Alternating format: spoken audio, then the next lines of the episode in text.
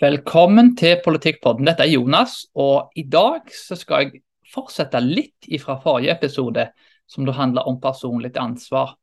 Og Jeg skal gå litt videre på dette med personlig ansvar.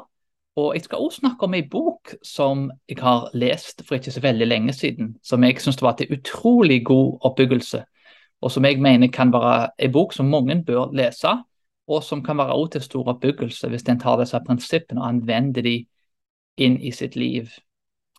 Eh, jeg ønsker bare å fortsette videre fra forrige gang og snakke litt om personlig ansvar. Forrige gang så gikk jeg inn på dette med personlig ansvar, så noe ofte i dag, ironisk nok, blir beskrevet som noe konservativt. Du kan gjerne si at Jordan B. Pedersen er blitt verdenskjent for å fortelle folk egentlig at de, de må re opp senga si, rydde rommet sitt.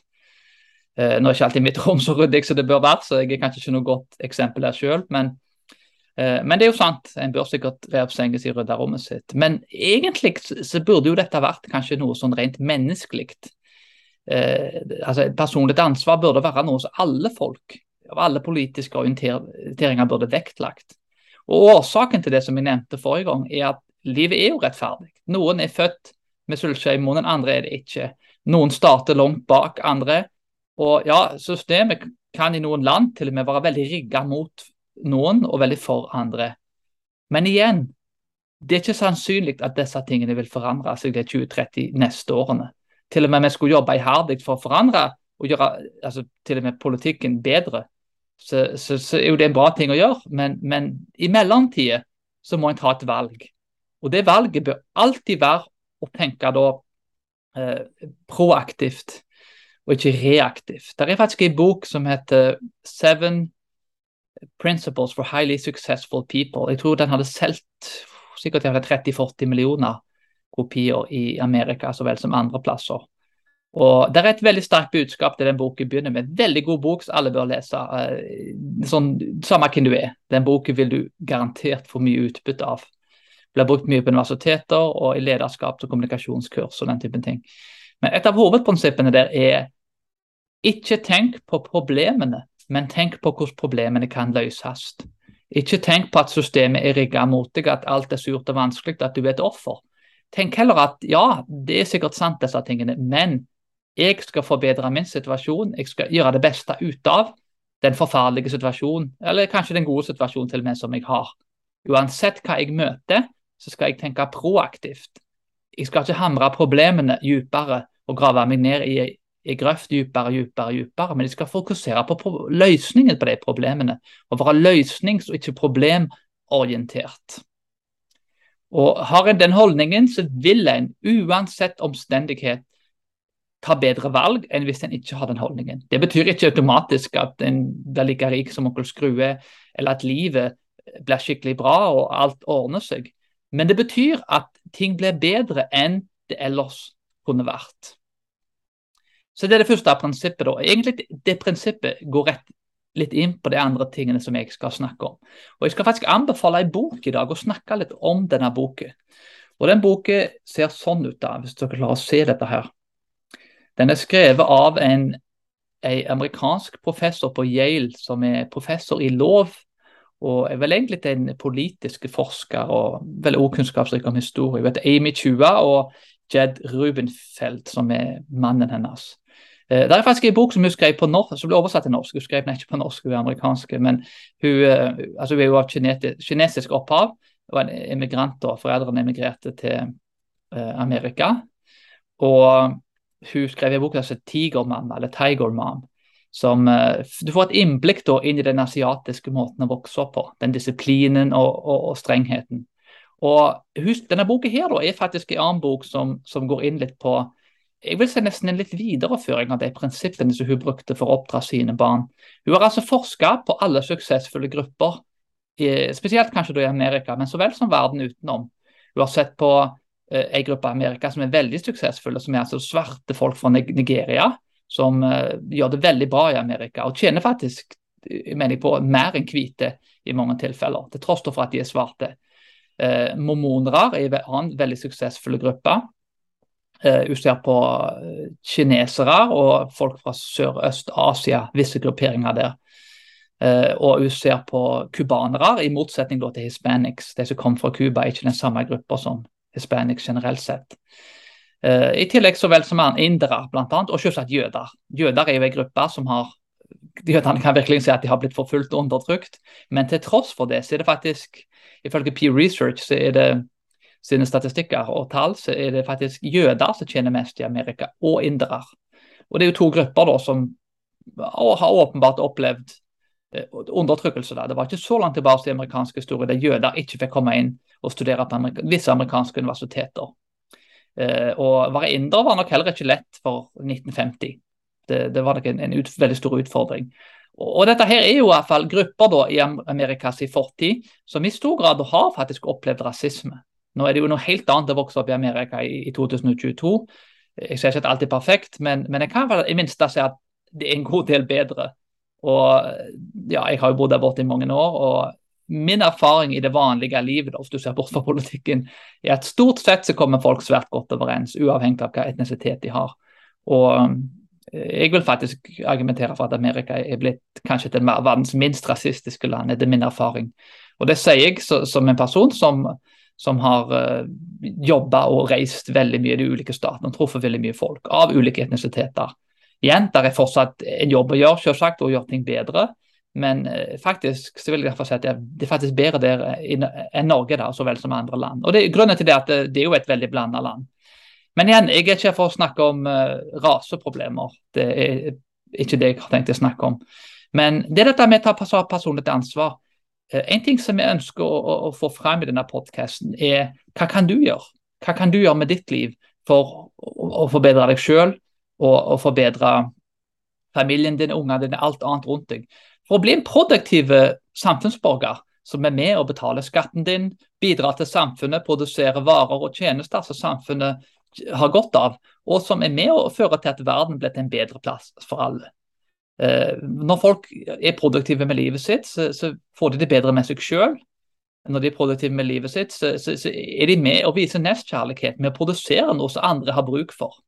Så, det, det, er et godt ting for mennesket, det er et godt ting for familier, og det er et godt ting for samfunnet. Og igjen, Politikk handler jo egentlig om, om å reorganisere samfunnet og gjøre ting på en måte som gjør at folk altså, får det bedre.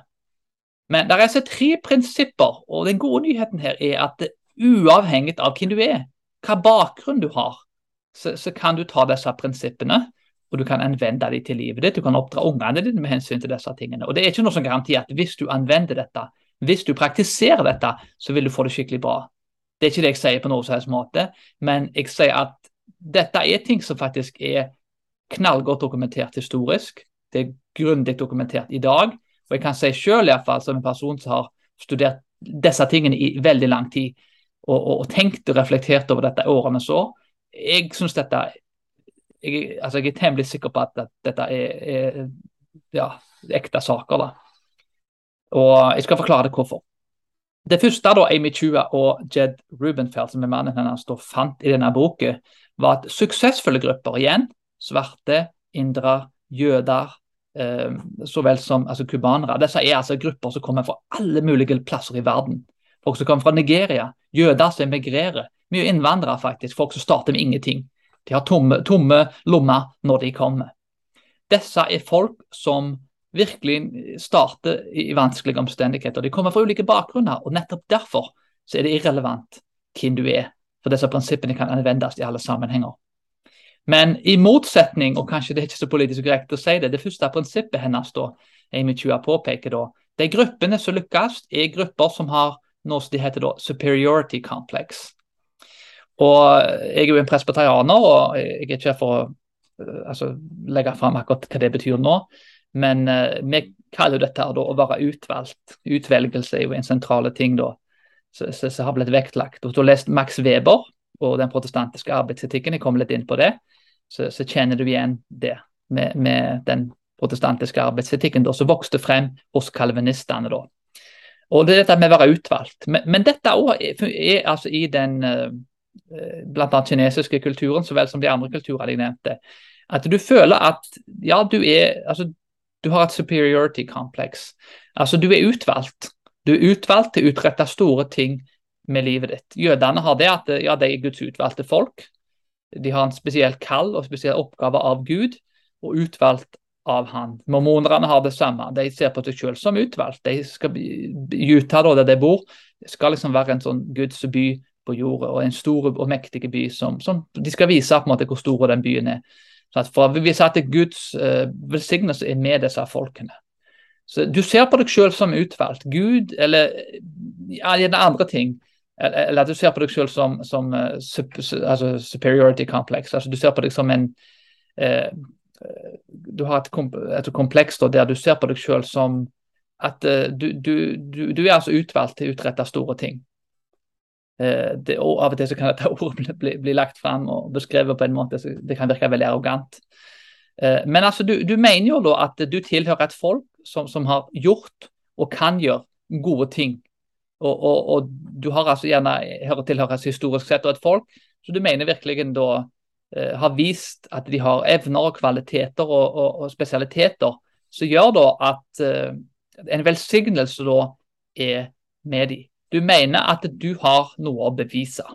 At du er eh, ja, du har et eh, høyt syn på deg selv. Ikke nødvendigvis for, fordi du som person er, er store og mektige, men fordi du tilhører da kollektivt et folk da, som, som der du føler at du, du, vil vise at folket kan prestere. Eh, en innvandrer da, for eksempel, har det at i Amerika spesielt tidligere så var det veldig hardt å være innvandrer. Du ble ofte ja, hånt, latterliggjort. Hvis du hadde en annen hudfarge, så, så, var du kanskje den eneste i klassen da, som så annerledes ut. Og Vi vet hvordan barn kan være. Så det var ikke en enkel ting. Men nettopp pga. at du fikk mye kritikk, at du ble mobba, andre ting, spesielt innvandrere, da, fikk det at ja, de skulle vise at de kunne prestere. De skulle vise at til tross for den kritikken de fikk, skulle de løfte seg over det og bli bedre enn de som mobba dem, og de som kritiserte dem. Vi så cubanere i Amerika f.eks., som da hadde et, eh, en forståelse da at uh, altså Mange av dem måtte jo flykte fra Castro i Cuba fordi de ble forfulgt. Og Dette var folk som, som hadde det bra i Cuba. De tilhørte et folk som hadde oppnådd suksess, og dette ville de vise. Jødene det at ja, vi er utvalgt av Gud. Eh, Presbeteranerne har også det at en er utvalgt, altså, og kalvinistene da, med den Webers protestantiske arbeidsetikk hadde det at vi er utvalgt. Vi har noe å bevise for verden. Vi skal vise at den velsignelsen faktisk er med oss. Noen vil si det er arrogant, og det kan kanskje virke sånn, men når vi kommer til det andre punktet, så, så skal vi faktisk se at det egentlig er det ikke arrogant. Det andre punktet da er uh, insecurity, altså usikkerhet. Og Dette høres jo veldig selvmotsigende ut. OK, jeg er ut, utvalgt, men så er jeg da usikker på meg selv. Det høres ut som en rake motsetning. Mens i realiteten så er det faktisk ikke det. Det virker som en selvmotsigelse, men egentlig så er det ikke det. Du er utvalgt, men nettopp fordi du er utvalgt, jeg bruker ordet utvalgt her, altså superiority er, er, det er ikke den rette oversettelsen teknisk sett, men Eh, ja, altså Du er utvalgt av omstendighetene, av Gud eller av andre ting. da, eh, Litt etter hvordan de ulike gruppene tolker dette. Men dette med usikkerhet på deg sjøl er da en ting som eh, altså du, du, vet at du må bevise noe. Så du har faktisk i disse gruppene har ikke noe sånn, alltid sånn enorme selvtillit. De ser på seg sjøl at de er ikke født eh, altså, i en posisjon der de ikke har noe å bevise. Nei, akkurat motsatt. De må vise seg sjøl at de kan prestere. De må jobbe hardt, få gode karakterer, jobbe hardt i arbeidslivet og gjøre andre ting for å vise at de er superior, eller, for at de er utvalgt. Altså, du må altså vise at du er utvalgt. Så den usikkerheten da, selvfølgelig, er faktisk en usikkerhet som driver deg til å vise at du faktisk er det verdige da å, å, være utvalgt, kan en gjerne si. Og Sånn var det med den protestantiske arbeidsetikken som Max Weber da eh, påpeker. Kalvinistene så på seg selv som utvalgt, og, men de var usikre. De måtte bevise de måtte vise frukter, at dette stemte i livene deres. Det måtte, måtte være en materiell velsignelse over livene deres. Så da viste at eh, de hadde denne Guds favør over livene sine. De måtte vise at de var utvalgt. og litt vil nesten påstå at det er med jødene at de har, har en lignende så derimot jobber en beinhardt, for en er usikker på seg selv. En, en må oppnå toppresultater. Hvis ikke, da, så, vi, så viser en jo akkurat det motsatte. En ikke er utvalgt. Så en må altså vise med handlingene sine at en da er utvalgt. Det tredje punktet da er impulse control. Eh, det er et ord som eh, kan tolkes og forstås på mange måter. Men, men, det handler rett og slett altså det ordet som jeg syns egentlig er kanskje en bedre beskrivelse her. Nå er det hun, som skrev boka, ikke jeg, skal ikke jeg omtolke boken hans. Men altså uh, delayed gratification er kanskje et bedre ord. Altså Det betyr da altså en uh, uh, en, en fors, forsinka nytelse, er kanskje en måte å si det på. da. En, en forsinka nytelse. Uh, en, en, nytelse som kommer senere. Noe som gjør da at i større grad så tenker du om 20 år så skal jeg pensjonere meg, 30 år. Jeg jobber hardt, og da skal jeg være i en skikkelig komfortabel situasjon. I mellomtid, de 20-30 neste årene, så skal jeg jobbe hardt, spare penger, disiplinere meg selv. Og jobbe på en måte da, som gjør da på en måte at jeg kan nyte livet senere. Det er ikke mest at du trenger å nyte livet. Hos kalvinistene så var det det at ja, jeg er utvalgt, jeg må bevise at jeg er utvalgt, jeg er usikker på meg sjøl. Og så var det dette med at men du levde nøkternt. Du levde ikke at du brukte penger hver dag. Du brukte faktisk ingenting. Du brukte opp bedrifter. Du ville videreføre en arv til de som kom etter deg. Så du levde faktisk et ganske enkelt liv. Et eksempel som jeg ofte tenker på er Warren Buffett, som er en av de rikeste folkene i verden. Som kanskje mange kjenner til. Han eh, gikk jo alltid på McDonald's og kjøpte den frokosten, for han var så billig. liksom. Det var tre dollar eller et eller annet. Eh, det var, liksom, det var en favorittfrokosten hans. Og det var liksom for at, for at han var billig. Her har du en fyr som har mange hundre milliarder. Eh, har råd liksom, til å kjøpe en ganske dyre frokost. Men nei, han, han vil ha den billige frokosten. Og, og, det er en grunn til at han er en av de rikeste i verden. Det er jo nettopp pga. at han har tenkt på den måten. Men, uh, men, det er noe med dette her å, å, å utsette nytelsen. At en, uansett hva som kommer, så skal en jobbe hardt. Uansett hva som kommer, så skal en møte motstand, mobbing, trakassering, elendighet. Og en skal møte det med å vise gjennom hardt arbeid, gjennom disiplin og gjennom utsatt nytelse at en skal prestere i livet. Og Når det kommer til dette med superiority, altså dette med, med å være utvalgt og dette å være usikker, og dette med utsatt nytelse, og, og det å å være disiplinert og trives da i vanskelige omstendigheter. Altså, altså Det er tre ting som faktisk kan videreføres til neste generasjon. En kan velge å oppdra ungene med disse tre prinsippene. Dette er ikke tre prinsipper som ja, det kan være de funker. Dette er faktisk ekstremt godt dokumentert, og det er akkurat de prinsippene du finner faktisk bl.a. i Amerika hos presbyterianere, eh, altså, altså kalvinister i stor grad, og, og som Max Weber fant hos fremveksten av den protestantiske arbeidsetikken med kalvinistene. Er akkurat det samme, og hun går litt fast litt inn på det i denne boken. Men du finner det hos andre grupper. Nå vil jeg derimot si da at eh, hvis en ikke har en religiøs tilknytning, sånn som da spesielt da presbyterianere eller kalvinister, så vel som jøder da har, med at det, dette er en religiøs identitet, og ikke en gruppeidentitet. For hun sier faktisk at dette, når du er på tredje-fjerde generasjon, så forsvinner disse kvalitetene. For de innvandrerne spesielt, som kom til Amerika, de, de blir vatna ut. De gifter seg kanskje med andre grupper. Og de er blitt kanskje for suksessfulle, og da blir du ofte lat og sløv i etterkant. Så du kom liksom til de, altså Ironisk nok da, så er det de som vokste opp med tomme lommer. Det er de som faktisk kanskje har gjort det best. De som vokste opp med, med at de følte at de måtte bevise noe. Men, mens dagens barn da er, er, blitt mye sløvere og latere, for det har vært en veldig stor velstand. Så Ironisk nok da, så er det jo da de prinsippene som leder til velstand, det er ironisk nok kanskje også i Kima som har ledet faktisk folk til en plass der de avviser de prinsippene som førte det der de var. Men, men, uansett da, så er det noe kanskje mest spesielt dette. Det gjør det en del enklere hvis du har en religiøs identitet, fordi da vet en at det er Gud som har utvalgt, og ikke en sjøl. Og I mye større grad så er det jo Gud som faktisk får æra for disse tingene. En kan ikke skryte av seg sjøl og tenke seg på meg, hva jeg har fått til, hva jeg har gjort. Så dette skal ikke være en form for ting som leder folk til arroganse. da. Men jeg, jeg, vil derimot si at, at blant grupper da, som, som, har disse tre tingene, så, så, så, er det faktisk stort sett ikke folk der som er spesielt arrogante. Ironisk nok, da. Til og med når du ser på deg selv som utvalgt, skulle du tenkt det er sikkert de mest arrogante folkene som finnes, men mens i realiteten så er det motsatt. Fordi nettopp at du til, tilhører noe, at du har vokst, kanskje blitt født inn i en viss kultur og kanskje blitt utvalgt, gjør i større grad at du tenker at jeg har ikke gjort noe for å fortjene dette her. Dette var noe som jeg ble lært opp i. Og, og, og, altså, jeg har ikke gjort noe. Barn kan ikke velge å bli opplært med disse tre prinsippene. Men Amy Chua, som ikke da er en, en konservativ, jeg, jeg, vet ikke hva, hvor hun står politisk, men jeg går ut ifra, og ikke siterer meg på dette, at du da er en uh, sannsynligvis en liberal demokrat, vil jeg, vil jeg tippe, da. Men uh, underviser på Yale, da. da. Så, så altså ikke noe, noe sånn konservative. Dette er jo egentlig ikke en, en konservativ Det bør ikke i hvert fall være en konservativ idé. Jeg fikk veldig mye kritikk på at dette var rasistisk, at noen grupper gjorde det bedre enn andre. Hun har jo egentlig bare vært med påpekt det hun har funnet. Og, og, og Det er flere som har respondert ord på dette og sagt dette er jo fantastisk.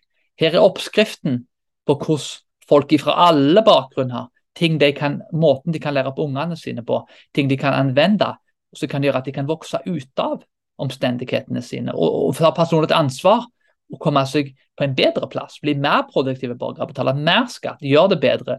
Og Det som er fint hvis en oppnår suksess, um, det som er veldig fint, er at da kan en gi mye mer. Jo mer en tjener, jo mer kan en gi. Det som Dave Ramsey alltid kaller 'outrageous generosity'. Altså en, en ekstrem generøsitet. Så, så, så, det er ikke noe negativt med å, å være en produktiv borger. Eh, bidra til samfunnet med tjenester, med produkter, så vel som å betale skatt. I tillegg da, at en har en god del til overs, som en da kan investere og, og, min oppmuntring er jo faktisk nettopp det når en da gjør det godt. At en da faktisk ikke da bygger opp sin egen livsstil, men jeg å leve dyrt. Men at jeg faktisk fortsetter å leve enkelt, og heller bruke de midlene til å velsigne samfunnet rundt en.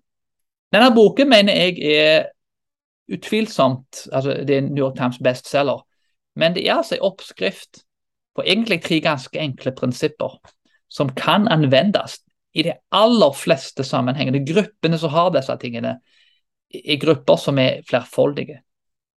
Du kan gjerne se kalvinister, presbyterianere, Max Weber da, med kalvinistene i kirkehistorien, mormonere, folk fra Nigeria, cubanere, eh, så vel som eh, asiatiske og kinesiske grupper, indere og jøder. Disse gruppene er temmelig forskjellige. Og Det betyr jo at dette funker jo for alle som tar det til seg, alle som anvender det. Det er den gode nyheten. En kan ikke alltid gjøre noe med omstendighetene, men kultur og livssyn og verdier er faktisk av ganske stor betydning. Og vi kan gjøre det beste av situasjonen, og vi kan velge hvordan vi møter situasjonen. Og Her har du altså tre konkrete, håndfaste ting og, og, og måter å tenke på, så du kan lære opp ungene dine til å tenke på, altså, i, altså disse, og videreføre disse verdiene til dine unger. De er utvalgt, til å utrette store ting med livet sitt. Det er en utrolig ting for, for både voksne og barn for den del, at noen har tro på en. da, Og, og, og virkelig tror at en, en er kalt til å å utrette ting med livet sitt. Om det blir en snekker og bygge veldig flotte hus, om det blir en murer og murer fantastiske ting, om det er å bli en lærer og lære generasjoner og være et medmenneske for elevene sine, eller det er å bli advokat og jobbe for rettferdighet og et bedre samfunn, eller en journalist som er et sannhetsvitne i en løgnkultur. Jeg vet ikke hva det er, men, men det blir ulikt for hvert person. Men uansett da, så er dette prinsipper som i veldig stor grad vil bidra til at folk vil gjøre det bedre. De vil få det bedre med seg selv. Samfunnet vil få det bedre. Eh, igjen, politikerne vil få mer skatt, og det er de sikkert veldig glad for. Og folk og grupperinger vil være i en posisjon der de vil ha mer midler til å være med og velsigne folk rundt seg. Så For meg så er dette en, vinn-vinn-situasjon. Det er håndfaste ting som en selv kan gjøre for å forbedre livet. Jeg synes det faktisk er veldig trist at det er blitt en konservativ ting i den siste tida å ta personlig ansvar for sitt liv. Det, det, burde ikke vært noe konservativt å ta personlig ansvar og, og, og, og videreføre gode verdier. Det burde vært en menneskelig ting. Det burde vært noe som tilhørte alle mennesker, uavhengig av bakgrunn. Fantastiske bok. Meget, meget, meget god bok. Så eh, folk bør kjøpe. De bør lese denne boken. Og de bør vurdere og prøve å finne en måte å videreføre dette til sine egne barn. Dette er ikke igjen eh, eh vanskelige prinsipper. Det er enkle prinsipper som, som etter min mening alle kan ta i bruk. Og det vil lede til en bedre situasjon enn en ellers kunne hatt. Igjen, det er ikke noen garanti hvis en anvender dette. Du kan fortsatt få unger som begynner på stoff, hvis du lærer dem opp i disse tingene. Det er ikke tvil om det. Det kan gå dårlig til tross for at du gjør dette. Men igjen, vi kan jo ikke gå ut ifra hva som kan skje, men vi må jo prøve å maksimere sjansen for at ting kan gå bra. En kan gjøre sitt beste, og en kan oppdra ungene så godt en kan, og så får en håpe at det blir godt nok. Men én ting som er garantert, at når en gjør dette, anvender disse prinsippene, så vil ting bli bedre enn de ellers kunne vært. Og Målet bør jo oppriktig være det at en jeg må maksimere sjansen for å få det bedre, og, og, og prøve å komme på en bedre plass enn en ellers er. Iallfall rent politisk sett. Nå handler denne podkasten om politikk, og ikke om uh, andre ting. Og Dermed da, så, så er dette noe da som, som vil oppriktig produsert da, et bedre samfunn politisk og bedre lokalmiljøer, så vel som et, et samfunn som, som virkelig hadde bidratt til gode ting rundt seg. Det var alt for i dag. Forhåpentligvis har du fått mer lyst til å lese denne boken. Hvis du vil ha den eh, gode versjonen av disse prinsippene, så får du, og ikke min innpakning og forklaring av de, så anbefaler jeg at du leser Amy Chua sin bok som heter The Triple Package. How three unlikely traits explain the rise and the fall of cultural groups in America. Takk for meg. Vi snakkes snart igjen.